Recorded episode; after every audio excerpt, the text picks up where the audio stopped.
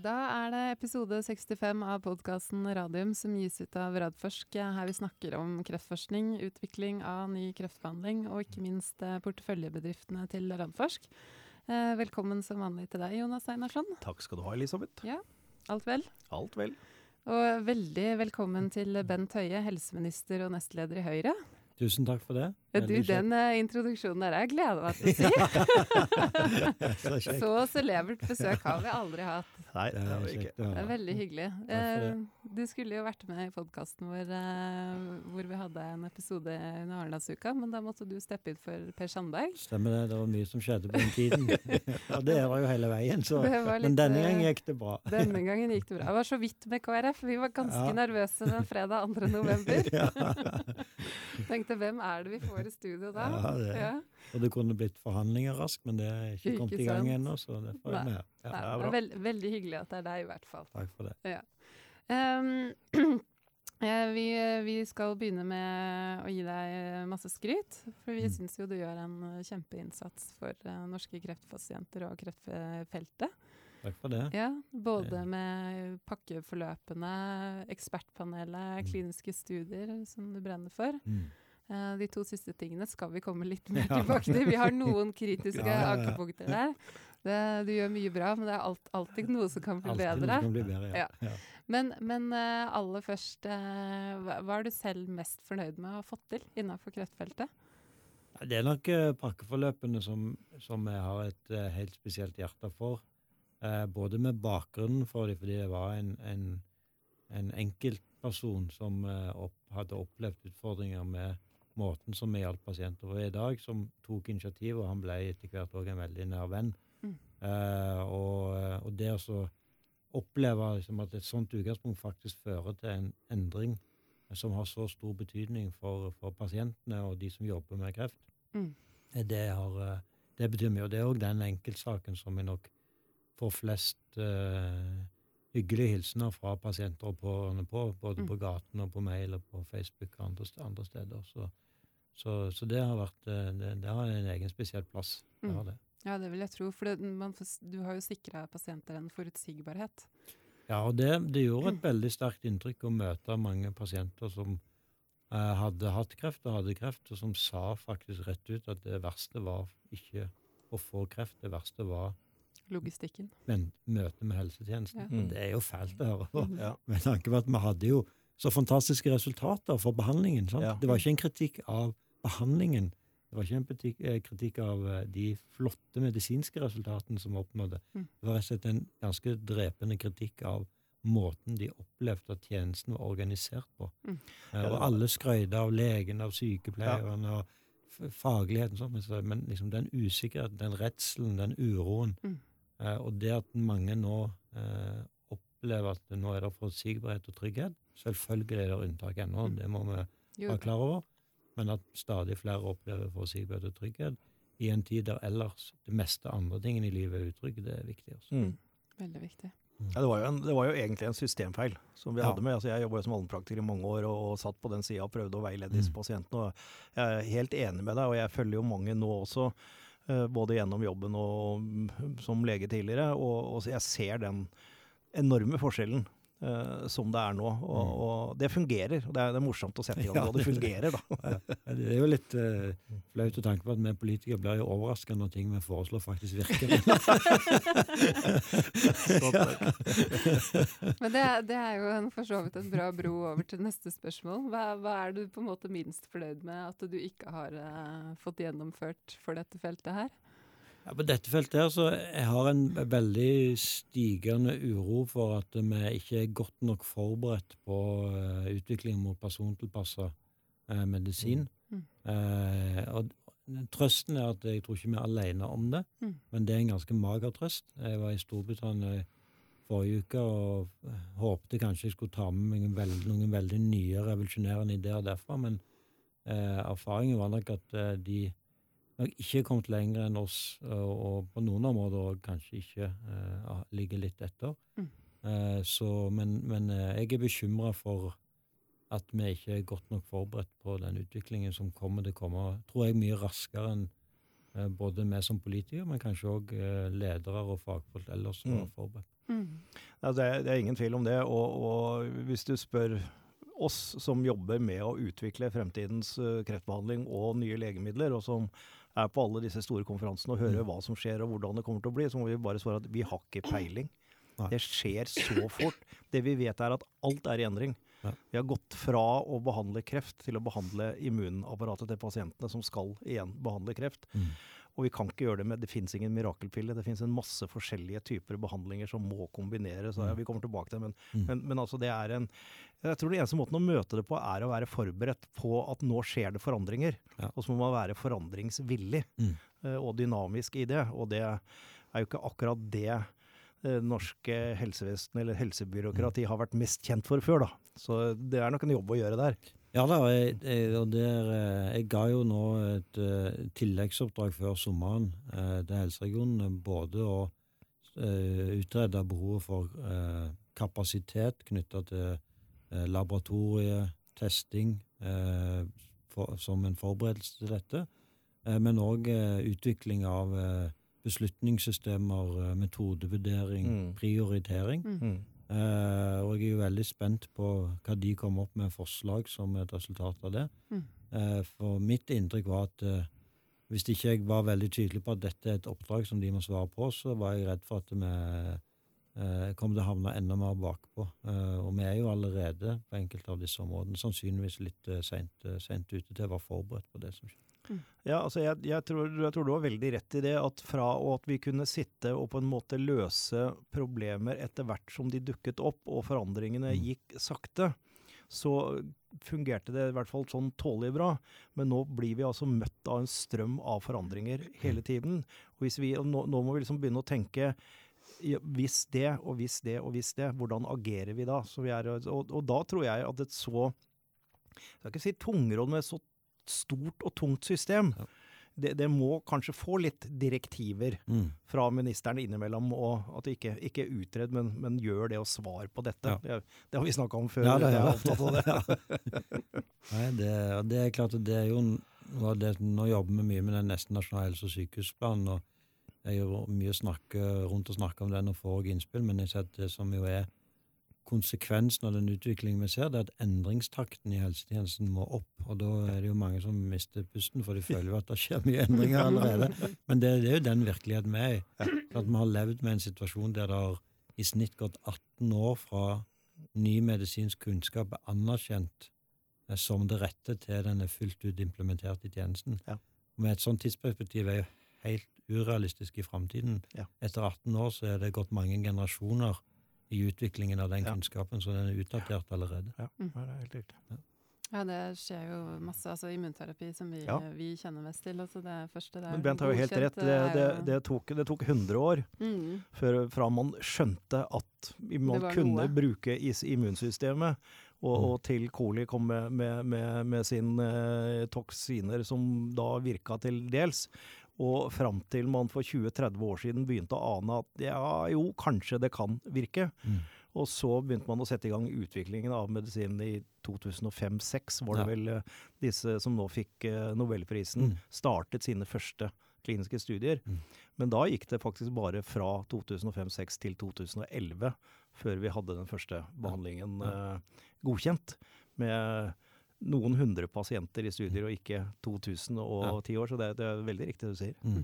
Og etter det så har det jo eksplodert. Ja. ja. ja det, og, det. og, midt oppi det så sitter vi nå. Ja. Det er jo kjempe, kjempespennende, men det er klart det utfordrer jo systemet. Mm. men den gode nyheten er jo at vi sannsynligvis vil kunne behandle pasientene med bedre resultater, mindre bivirkninger, og ikke minst unngå å bruke store ressurser på å behandle pasienter uten resultater. Mm. Ja. Det er jo den, Vi må ikke glemme den positive nei, siden av det. vi, vi kan love det at vi, vi, vi sitter og, og, og, ser på kurvene.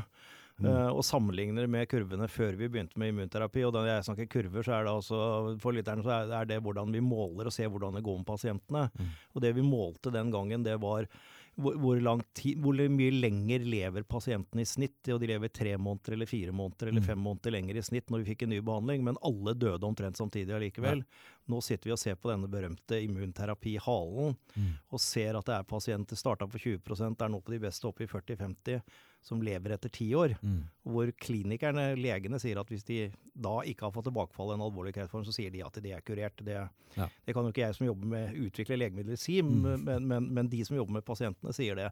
Og, og det ser vi på. Vi vet at hver eneste prikk på den kurven er et menneske som lever Mm. lenger. Mm. Det er, eh, det er drivkraften vår, da. Det er det. Ehm, jeg tenker vi skal starte å snakke litt om kliniske studier. Mm. Eh, det er jo noe som vi i Radforsk er veldig opptatt av og jobbe med lenge. Eh, og så tilbake til pasienten. Da. Det er jo på en måte En klinisk studie kan være forskjellen på, på liv og død. Mm. Eh, og for altså, selskapene i porteføljen til Radforsk så er det jo så man må gjennom kliniske studier i både fase 1 og 2 og 3. Noen ganger fase 4. Mm. Noen ganger må det følges opp i mange, mange, mange år. Eh, og så er det jo sånn at i Norge så har jo andelen kliniske studier den har jo falt siden 2000. Um, 74 studier ble godkjent i fjor av Statens legemiddelverk, mens tallet tilsvarende for resten av Europa er 4000. Eh, hva skal man gjøre i Norge for å øke antall kliniske studier her i landet? Jeg tror det er flere ting vi er nødt til å gjøre. For det første så uh, må vi eh, liksom eh, skape en enda tydeligere forventning eh, til helsetjenesten om at en skal legge til rette for at det gjennomføres kliniske studier. Derfor utvikler vi jo nå en, eh, en modell der vi òg skal gjennom den, det som vi kaller for den kvalitetsbaserte finansieringen. sånn at vi har jo en ordning der vi eh, styrer helseforetakene på noen kvalitetsindikatorer. Og så, så sier vi at hvis de når de, så får de eh, ekstra eh, av denne, denne potten. Og det vet vi virker på ledelsesnivå. virker litt med den gulroten ja, altså. den Penger. virker, ja. ja. Mhm. Eh, og så nå utvikler vi da en indikator for å kunne måle de på kliniske studier, eh, og da spesielt mot multistudier og samarbeid. Eh, og hvis vi får den på plass, så vil det jo være sånn at for det, ja, for Noe av den tilbakemeldingen jeg får fra, fra, fra legene og de som jobber i sykehusene, at de har lyst til å delta, men de opplever ikke at de får støtte fra ledelsen til å Mm. sette av nok tid og prioritere dette i en travel hverdag. og Mm. jeg måler jo sykehusene veldig hardt på ventetid og de andre indikatorene, Ja, ja. så for å få balansen i dette, eh, så er det. Og så er det jo òg for oss en ambisjon å se om vi kan og Det har jeg gitt et, eh, også et oppdrag på, å se på hvordan kan vi utnytte at vi har én statlig eid spesialisthelsetjeneste i Norge. Så selv om den er oppdelt i fire regioner og flere, flere sykehus, så er det iallfall én eier.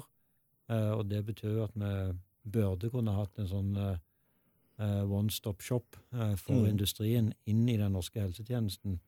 og kunne utnytte den, utnytte den fordelen. Og Det er jo et oppdrag også som jeg har gitt, for å se på hvordan kan vi kan utvikle det Mm. og etter modell for sånn som de har gjort i Danmark. Mm. Em, så eh, så det, det er viktig. Og så tror jeg at eh, det at vi har etablert ekspertpanel òg, iallfall i Danmark, så mye som tyder på at det hadde en positiv Mm. effekt på deltakelsen eh, Mm. fra pasientens side.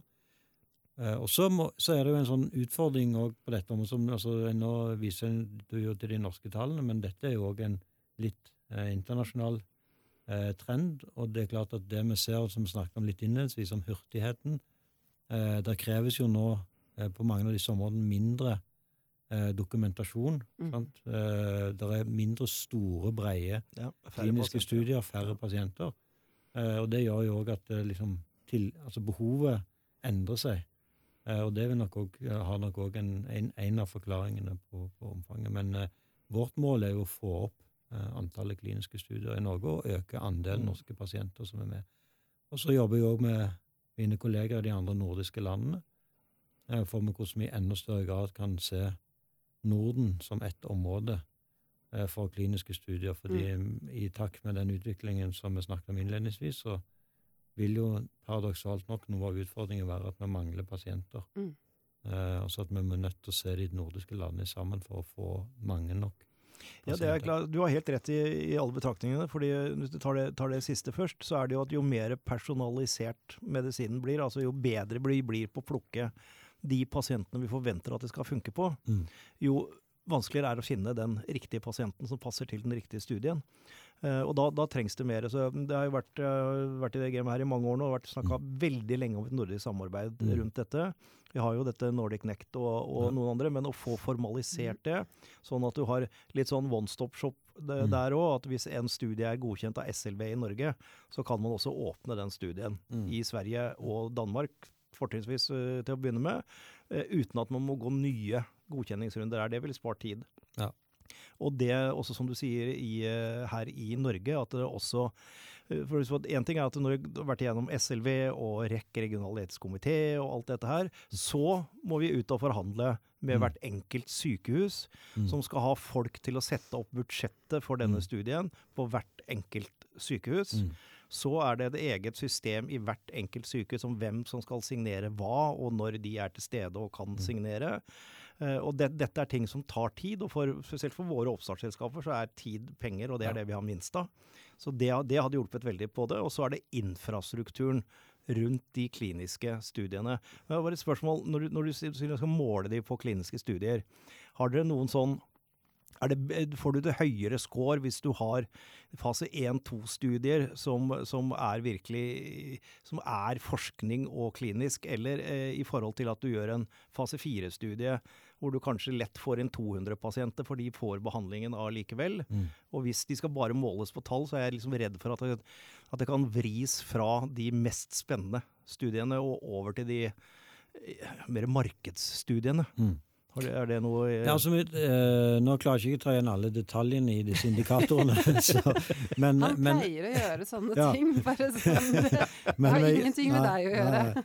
men, eh, men, eh, det er noe av det som det nå jobbes med. Eh, for det, det, skal være, det skal ikke bare være sånn at vi teller 1, 2, 3, 4, og så dukker vi av. Og, så, og det er òg årsaken til at vi hadde gjort ett forsøk nå i 2018 på registrering kvaliteten på de tallene ble for dårlig. Ja. Eh, så nå gjør vi en ny runde i 20, 2019.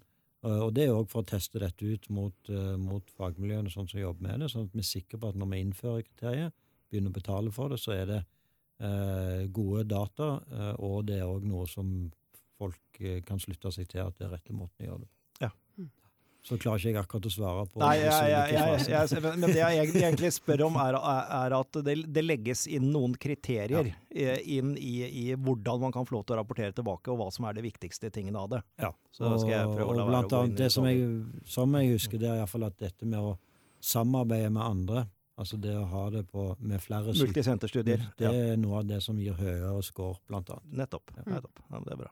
Mm. Men uh, vi, vi, vi, har jo et forslag, det er jo ikke bare oss, da, men sånn, sammen med Oslo Cancer Cluster. Det er jo mm. det å etablere, altså, disse, altså, etablere egne kliniske forskningsposter på ja. de større uh, universitetssykehusene. Uh, det har man jo her på, på mm. OUS.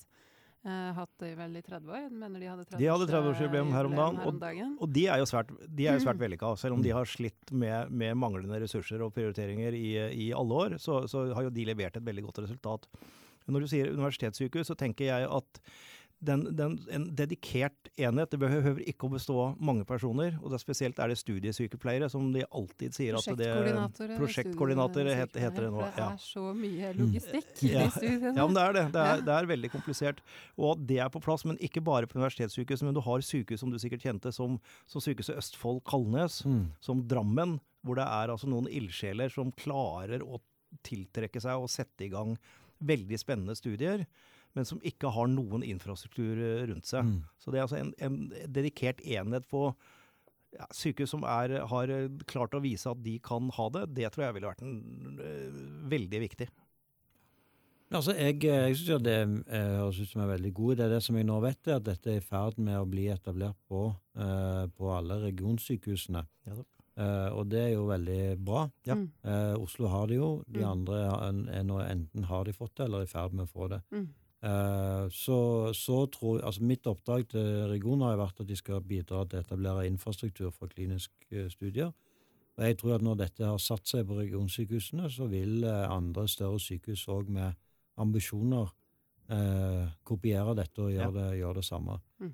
så jeg tror at dette nå kommer til å komme eh, på noen av de andre sykehusene som, som eh, som har fagmiljøer som gjør at det Ja. er aktuelt. Og det er ikke Ja. sånn vi kan ha dette på alle sykehus i, Nei, i Norge. Nei, nei, nei. Altså, det må være en viss størrelse, og Det det, er- det jeg helt med på. Men det, er bare, det som er, er viktig, og det, det, er, det er ikke noe kritisk spørsmål, det er, mer, det er mer, mer som eh, litt kompliment, og det er sånn at det har snudd seg. Nå har jeg jobbet med dette her i, i 19 år, og før det en del år som Mm. på allmennpraktikerskiven, og vært med å oppleve legemiddelindustrien som relativt eh, gavmild, for å si det forsiktig, Ja. på 70- og 80-tallet.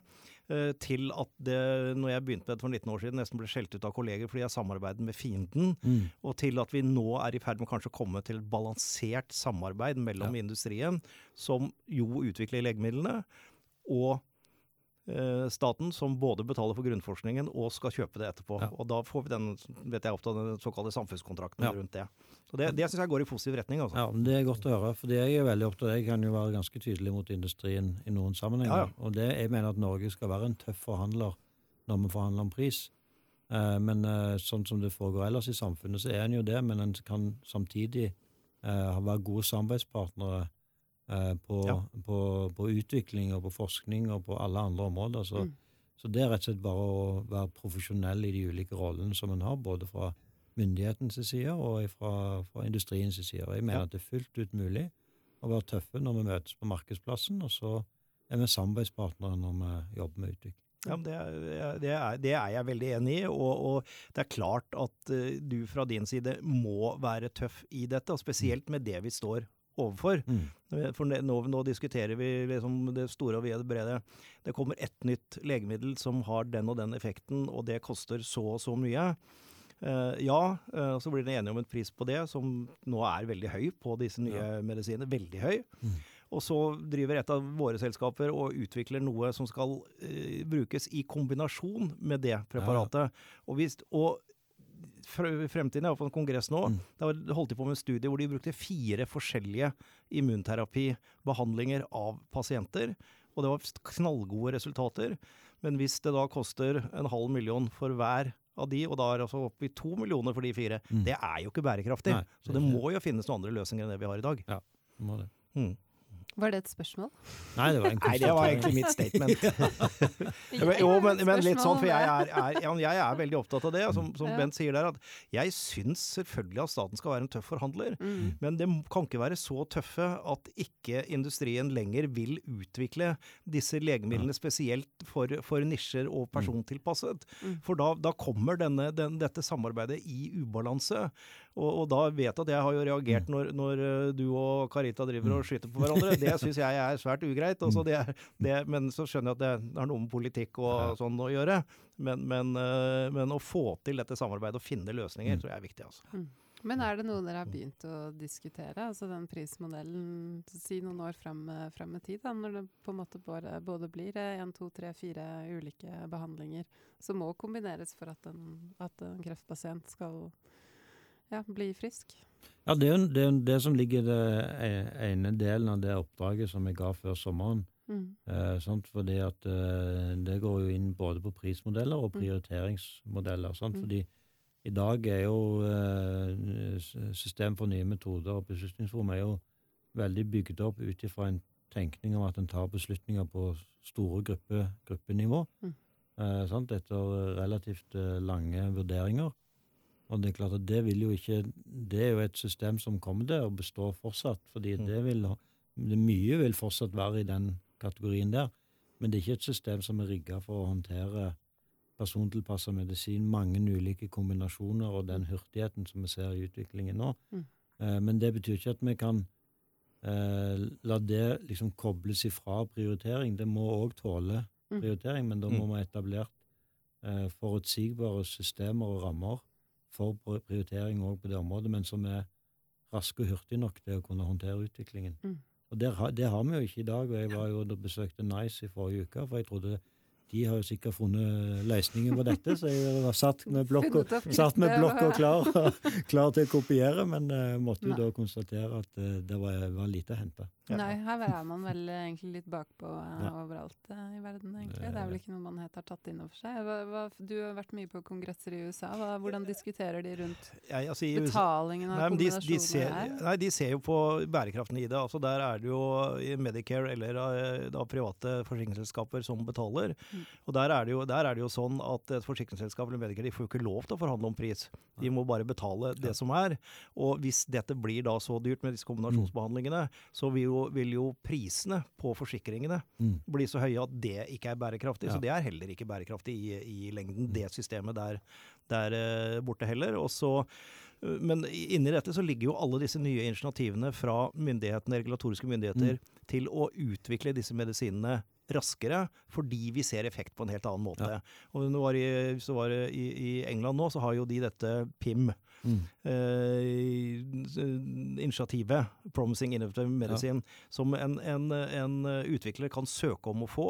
Og hvis Mm. han får den statusen, så får han en veldig rask behandling gjennom. Mm. Og viser da igjen til gode kliniske data, så kan du få markedstilgang veldig tidlig. Mm. Ja, Da har det altså ikke tatt ti år å utvikle en medisin, og det har ikke kosta én milliard dollar. Mm. Det har tatt fire-fem år, og det har kosta atskillig mindre. Ja. Da må det vise seg i prisen igjen. Ja. Så det er liksom den dynamikken Mm. som må inn i det. Mm. Ja, for der er de jo ganske framoverlente i Storbritannia, da. I, Ja, i- det, Ja, det er det. har det, den ja. delen der. For der, Mm. der er det jo snakk om at uh, For det er et, et selskap, eh, et av selskapene våre som kanskje får det. Det er jo ikke helt uh, Nei, de har, helt, fått, de har fått den trinn én i, i, Ja. i, i denne. mm, Så det er, det er veldig spennende. mm. Og det vil jo da være før en eventuelt eh, godkjenning fra type EMEA FDA, så Ja. Men kunne man sett for seg noe sånt eh, i Norge? Ja, altså det er jo, dette er jo mer en, et virkemiddel på utviklingssiden. sant? Mm. Så der, eh, det, det har ikke vi konkludert med noe nå. Vi jobber jo med en egen stortingsmelding også om helsenæringen Mm. eh, sammen med Næringsdepartementet. Eh, og, og, og sånt. Men det, så er det jo klart at vi må ta inn over oss at det er en viss forskjell på størrelsen mellom Norge og Storbritannia òg. Det er det. så, ja. Mm. Vi hopper og spretter i spørsmålene, så nå må jeg bare kikke, kikke litt. Grann. Men uh, hvis vi, vi har snakka litt om det med legemidler og markedstilgang. altså det, det som vi har opplevd da, med et av våre selskap som har, da har utviklet en behandling og Mm. diagnostisering av blærekreft, var jo at når de kom på markedet i 2005-2006, Fotokur, Mm. som du kjenner godt til, Mm. um, så, så ble jo de ikke kjøpt inn over refusjonsordningene i Norge. Mm. Og, det har jo skada de jo voldsomt eh, internasjonalt. Um, nå er det jo sånn at det har gått bra med de, det går veldig bra med Ja, de, og de har kjempegjennombrudd Mm. som de holder på med i USA nå, blant annet. Men fremdeles så har de jo ikke full refusjon i Norge. Hva, hva kan man gjøre så det ikke blir sånn? Og dette er jo ikke bare snakk om det selskapet, men det er jo også snakk om da pasienter uh, som da viser seg at denne behandlingen er, Mm. er jo bedre.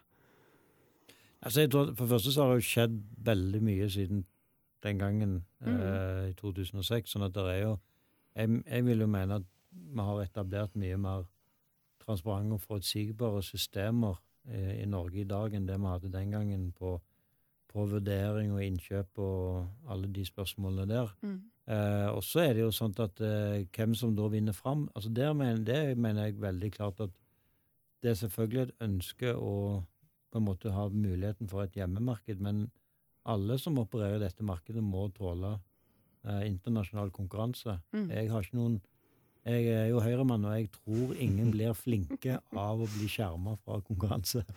Så jeg tror at eh, det, Det er vi helt Ja. i. så, så det må jeg rett og slett tåle. Eh, Mm. Jeg må tåle sammenligning, jeg må tåle internasjonal konkurranse. Og så er det selvfølgelig at vårt ønske er jo at norske selskaper skal lykkes og nå fram og sånt. Og hvis det er forhold i Norge som gjør at de har eh, på en måte blir hemma i, i en reell konkurranse, så er det selvfølgelig ting som vi eh, bør endre på. Men, i, men jeg, det er vanskelig for meg å si at eh, fordi at dette er et fantastisk norsk selskap som har utvikla seg Ikke de noe Nei. konkret om de, Nei. det var mer sånn Ja, ja. generelt. Men jeg- men at den man gangen- ser jeg husker jo den liksom saken vel, ja. Ikke Ja. sant? Fra norsk Ja. kreftforskning Ja. i det hele tatt kom på markedet kjempekjapt, og så Mm. på en måte bråstopper du, ikke sant, Ja. når du skal Men, men, eh, og men det, det eksempelet er egentlig Mm. et eksempel på et byråkrati som ikke klarer å snu seg rundt.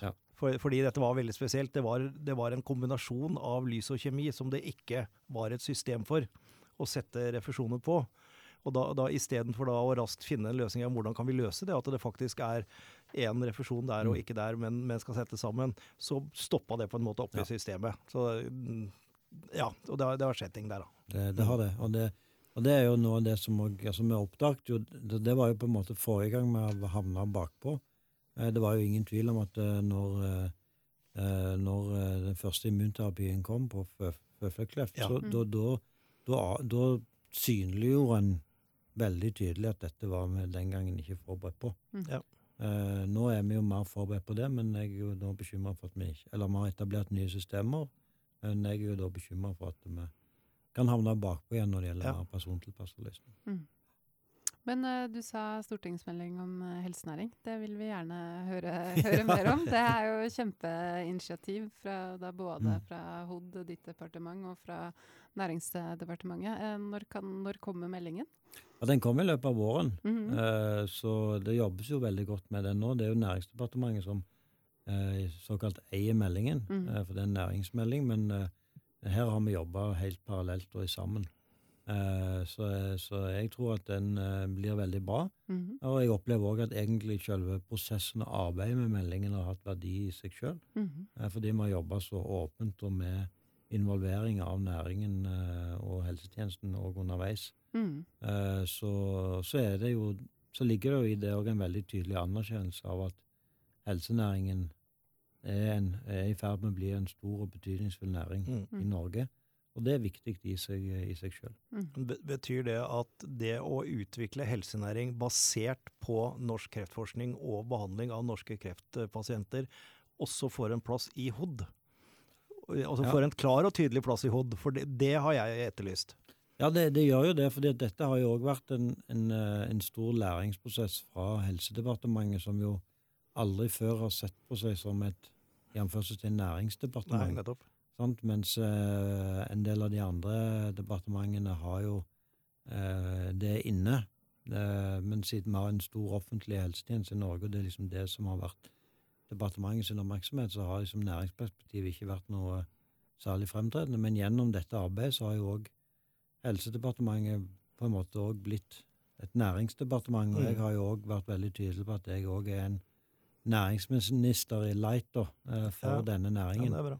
Og det tror jeg i seg selv har stor betydning, og det er jo noe av det vi lærte fra Canada, eh, er jo nettopp at de har klart å skape en kultur i, i en, helse, en, eh, en helsetjeneste som ikke er så veldig ulik vår, Nei. på at de òg ser på det som sin oppgave å være samarbeidspartner og tilrettelegger for, for en næring. Ja. Og det er klart, skal vi lykkes i dette, så hjelper det ikke bare at jeg og Helsedepartementet eh, tenker sånn. Da må òg hele helsetjenesten gjøre det, helseregionen Ja. og de ulike sykehusene og, og ledelsen der. Og det, det er Dette kan være starten på den litt sånn Starten kulturomveltningen kulturendringen, Ja, ja. veldig bra. Ja. Mm. Ja, for det er viktig. Ja. For det tror jeg er noe av det som har kommet fram. Nettopp fordi, som du sier, dere har hatt mange dialogmøter Mm. som er veldig, veldig fine, vet jeg. Vi har i hvert fall vært med på Ja, vi har virkelig fått muligheten til å komme med innspill den gangen Ja. her. Så det har vært uh, kjempefint. Og det, jeg syns det er så fint at dere da setter fokuset på hva er norsk helsenæring. Jo, det er en næring som vi bygger på norsk forskning. Ja. Eh, og, og det betyr at disse milliardene dere legger inn i medisinsk forskning hvert år, kan også utvikle en verdi senere, for, altså en samfunnsverdi i form av arbeidsplasser, i form av å bygge verdier. Mm. Og, og da se den sammenhengen, det, det tror jeg det er veldig viktig. Ja, det er det. Og det er klart at når vi ser sammenligner Norge med en rekke andre land i Europa, så er vi jo, ligger vi jo veldig høyt på medisinsk forskning. Ja. Og ikke minst offentlig finansiert medisinsk forskning. Men vi har jo ikke klart å ta ut den samme næringspotensialet ut av den forskningen som det er en del av de andre Mm. europeiske landene har gjort. Mm. Ja, og det er jo eh, problematisk, og det er jo også noe som vi er bekymra for. Ja. Som også går på litt den der eh, TTO-modellen Ja. og eierskapsmodellen. Eh, der har det jo altså akkurat vært en sånn Menon-rapport som er satt ned av Næringsdepartementet, Mm. Så viser jo det at innovasjon fra forskning fra universitet- og høyskolesektoren, den er jo ikke stor nok. Den er jo ikke der den skulle være, altså der man skulle forvente at den skulle være. Um, kommer dere til å se noe på, på den modellen? Ja, det er jo, altså, som du sa, det er jo Næringsdepartementet som har bestilt den rapporten. Mm rapporten, og det er jo nettopp Jeg regner ikke med de har bestilt den rapporten fordi de ikke har tenkt å bruke den til noe. Kan du ikke bare legge det i skuffen? så, så jeg tror nok at den, eh, den er bestilt nettopp ut fra en anerkjennelse av at Ja. eh, her er det en utfordring. Mm. Og så er det jo de som da må vurdere eh, tiltakene eh, som, som følge av det. Mm.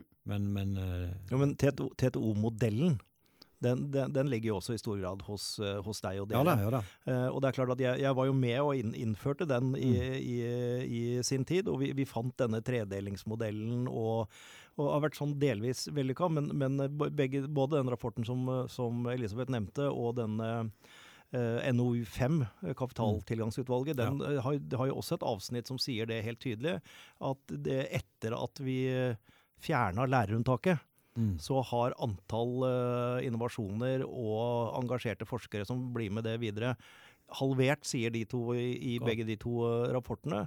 Og, og, og det er klart at jeg syns vi laga en veldig god modell for uh, mange år siden, Mm. men, men jeg tror kanskje det er på høy tid å ta og se på den helt om igjen. Er, er dette riktig måte å strukturere det på, som vi gjør i dag? Nei, og det tror jeg, men jeg, når jeg ser, altså de, ja, det er jo deres rapport, men det her er det jo sånn at eh, eh, disse ulike løsningene går, skjærer jo litt gjennom sektorene Mm. etter hvert som en Ja. eventuelt uh, tar konklusjoner om å gjøre endringer. Ja, for, for altså, Det var poenget mitt, at, Ja. at TTO-ene ligger jo direkte under deg. Ja, ja, ja. eh, Gjennom en del ledd, men, Ja. men ligger jo direkte under deg. Ja. Mm. Og mye av det de kommersialiserer, er jo basert på medisinsk forskning, livsvitenskap. Ja. Ja. To tredjedel tror jeg Invento Ja. har, i hvert fall. Ehm, men eh, men har, du, har du mulighet til å si noen ting om hva vi kan forvente oss av denne stortingsmeldingen? Eller er den sånn under arbeid at Ja, eh, kliniske en, studier har vi jo skjønt Ja da, kommer til å bli en del av det? Det kommer det bli, og det er klart at det, det som jo har vært veldig gjennomgående tilbakemelding, er jo å åpne opp den offentlige helsetjenesten for det sånn testbeds og utprøvingsmuligheter og sånt. Eh, Mm.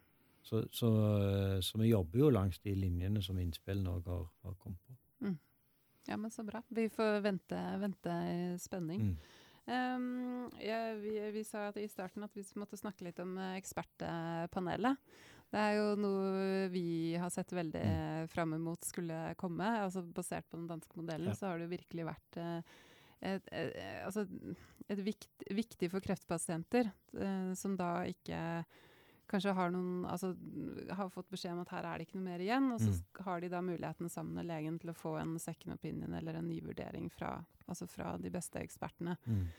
Um, men men den, der, den arbeidsfordelingen mellom ekspertpanelet og Beslutningsforum, den er vi litt bekymra for. Sånn som dere har lagt opp nå. Mm. For nå kan jo ikke ekspertpanelet, altså de legene, kreftlegene der, anbefale medisiner som enten er til utredning i Beslutningsforum, eller som Beslutningsforum har sagt nei til, som Mm. jeg har skjønt det fra dere har lest Dagens Medisin. Mm. Men er, det da, er dette her da en viktig, viktig forandring, da? Ja, det er det jo, for det. dette er jo ikke ment som en, eh, eh, på en måte en bakdør forbi eh, prioritering. Mm. Eh, så, så, men, eh, så det er jo viktig at ikke en opplever at liksom, nå er ekspertpanelet kommet, og de kan sette til side de vurderingene som er gjort i, eh, i Beslutningsforum. Mm. Det ville vært eh, feil. Mm. men det som jeg òg har vært veldig tydelig på, eh, det er at eh, eh, unntaksordningen gjelder jo òg for de pasientene som blir vurdert av ekspertpanelet. Mm. Sånn at hvis ekspertpanelet mener at, eh, at dette er en pasient som vil være relevant for unntaksordningen, Mm. så vil jo det være en, eh, en tydelig tilbakemelding til den behandlingsansvarlige legen om å, eh, om å søke denne pasienten inn i, gjennom unntaksordningen. Men det, det er jo en veldig viktig presisering. Ja. Fordi at dette, jeg, jeg har ikke oppfatta det du sier nå, men jeg har stort sett lest overskriftene i avisen, Ja. og der, der er liksom du ikke de hele saken. der, der er ikke de, Ja de fine detaljene med. Fordi, fordi det, det er liksom Det viktige poenget her er at, at uh, når da uh, ekspertpanelet sier at ja, denne pasienten burde egentlig passet utmerket til denne medisinen, som nå ligger i dette beslutningsforum. Mm. Uh, og, og, hvis det, jeg da hadde fått den beskjeden, og så sier at men, men, du kan ikke få medisinen, så har jeg anledning til å skaffe meg den medisinen. Jeg kan betale og kjøpe den selv mm. nede i gata, mens min nabo på Grønland der jeg bor, antagelig ikke har det. Uh, og, men, men, men, hvis det er mulig å bruke, som du sier, unntaksordningen for ikke å komme i det dilemmaet, ja. da har du mm, forhåpentligvis løst det. Ja, og derfor så eh, Det er et av de områdene der jeg nok syns Og det har jeg òg sagt, at der kan det bli justeringer òg i mandatet. For ja. sånn som mandatet er beskrevet i dag fra regionens side, så kan det, det formuleringen knytta til Beslutningsforum oppleves som for eh, bastant. Ja. Eh, men derfor var jeg òg veldig tydelig på dette når jeg var på det første møtet i ekspertpanelet og, mm. og, og, og møtte de som var der, at eh, Eh, sånn som dette må forstås, er at eh, unntaksordningen gjelder for disse pasientene òg. Og, de, og de har muligheten til å peke på den hvis de mener at den er ja. en god løsning. Mm. Det er bra, fordi at eh, de, du vet jeg har jo ivra for den danske modellen. Og ja, vi, har, vi, har, jo sett at den har fungert veldig bra. Uh, og det, det, som skjedde der, var jo at til å begynne med så ble, sendte jo de mange pasienter til utlandet, til mm. kliniske mm. studier som de identifiserte. Men så bestemte de seg samtidig for å gjøre det vi ivrer for, nemlig å bygge opp infrastrukturen rundt kliniske studier. Og sa da til de legene på det sykehuset men kan ikke dere si at dere skal være en del altså en ja. site i denne studien, ja. og så sender vi de pasientene dit. Og så, Du sitter på tallet, Elisabeth, men altså det gikk fra at nesten alle ble sendt til utlandet mm. til å begynne med, hvorav de nå nesten ikke sender noen til utlandet. Får, det var sånn dramatisk endring ja, fra det, det ene året til det Hvis andre. Hvis det kan bli et utfall av, av, dette, så hadde jo det vært altså Koblingen av ekspertpanel, bygge ut infrastrukturen, mm ha denne klare beskjeden om til helseforetakene om at det er et samfunnsoppdrag å be mm. behandle pasientene med kliniske studier. Eller som de sier på MD Andersen, mm. uh, kliniske studier det er standard of care. Ja. Ikke én pasient skal slippe ut herfra før det er vurdert om det finnes en mm. klinisk mm. studie. Da er vi et godt stykke på vei. altså. Ja. Så Derfor jeg refererte jeg òg til de danske tallene når jeg var holdt innlegg på åpningen ja. av Ekspertpanelet. For det, det, er ganske imponerende, den utviklingen som de har fått til. Mm. Ja, for det, det, vi ble litt redd for, var jo nettopp det at man kunne risikere at man i Norge får beskjed av ekspertpanelet at det er ikke noe mer vi kan gjøre, men så har du på en måte en godkjent medisin i da enten Sverige eller Danmark, da, mm. som man da egentlig kunne skulle, eller skulle ha fått. Mm. Men det vil ikke da bli en, en mulighet. Hvis de da har innført en medisin som Beslutningsforum sier nei til. Altså, det, da, det, da, vil det i tilfelle være øh, Da må det være unntaksordningen som slår inn. sant? Mm. Da må det være forhold ved denne pasienten, pasienten som skiller den vesentlig fra, mm. fra, andre, som gjør at uh, dette er, er relevant, da, mm. som unntaksordningen uh, å forstå. Ja. ja, men så bra. Mm. Da tror ikke jeg vi har noe mer, eh, har vi det? Ja, jeg, har masse, jeg har masse, jeg, men Bent har har ikke mer tid, så det er egentlig utgangspunktet. Ja. En liten avslutningskommentar. Ja, ja. Du pleier jo å ha det. Ja. Eh, nå er det jo snart i gang med den store kåringen i Dagens Medisin om de 100 mektigste i norsk helsevesen igjen. Eh, og da vil jeg bare si at jeg, jeg, håper du kan stå der når den skal deles ut og si nøyaktig det du samme for, sa for to år siden, ikke om du husker det. Men du fikk da prisen som Norges mektigste innen helsevesenet. Og da sa du 'tusen takk for prisen, det skulle bare mangle, jeg er helseminister'. Ja. og det, den likte jeg. Ja. Nei, jeg mener jo at sånn skal det være. Eh, så får vi se når de kommer fram til til sin konklusjon. Jeg håper ikke det blir en byråkrat, Bent. vi, vi, får snakke litt med Markus, nei da. Ja. Men uh, tusen hjertelig takk for at du tok deg tida til å komme hit og fortsatt det gode arbeidet. Ja, tusen takk for det. Takk skal du ha.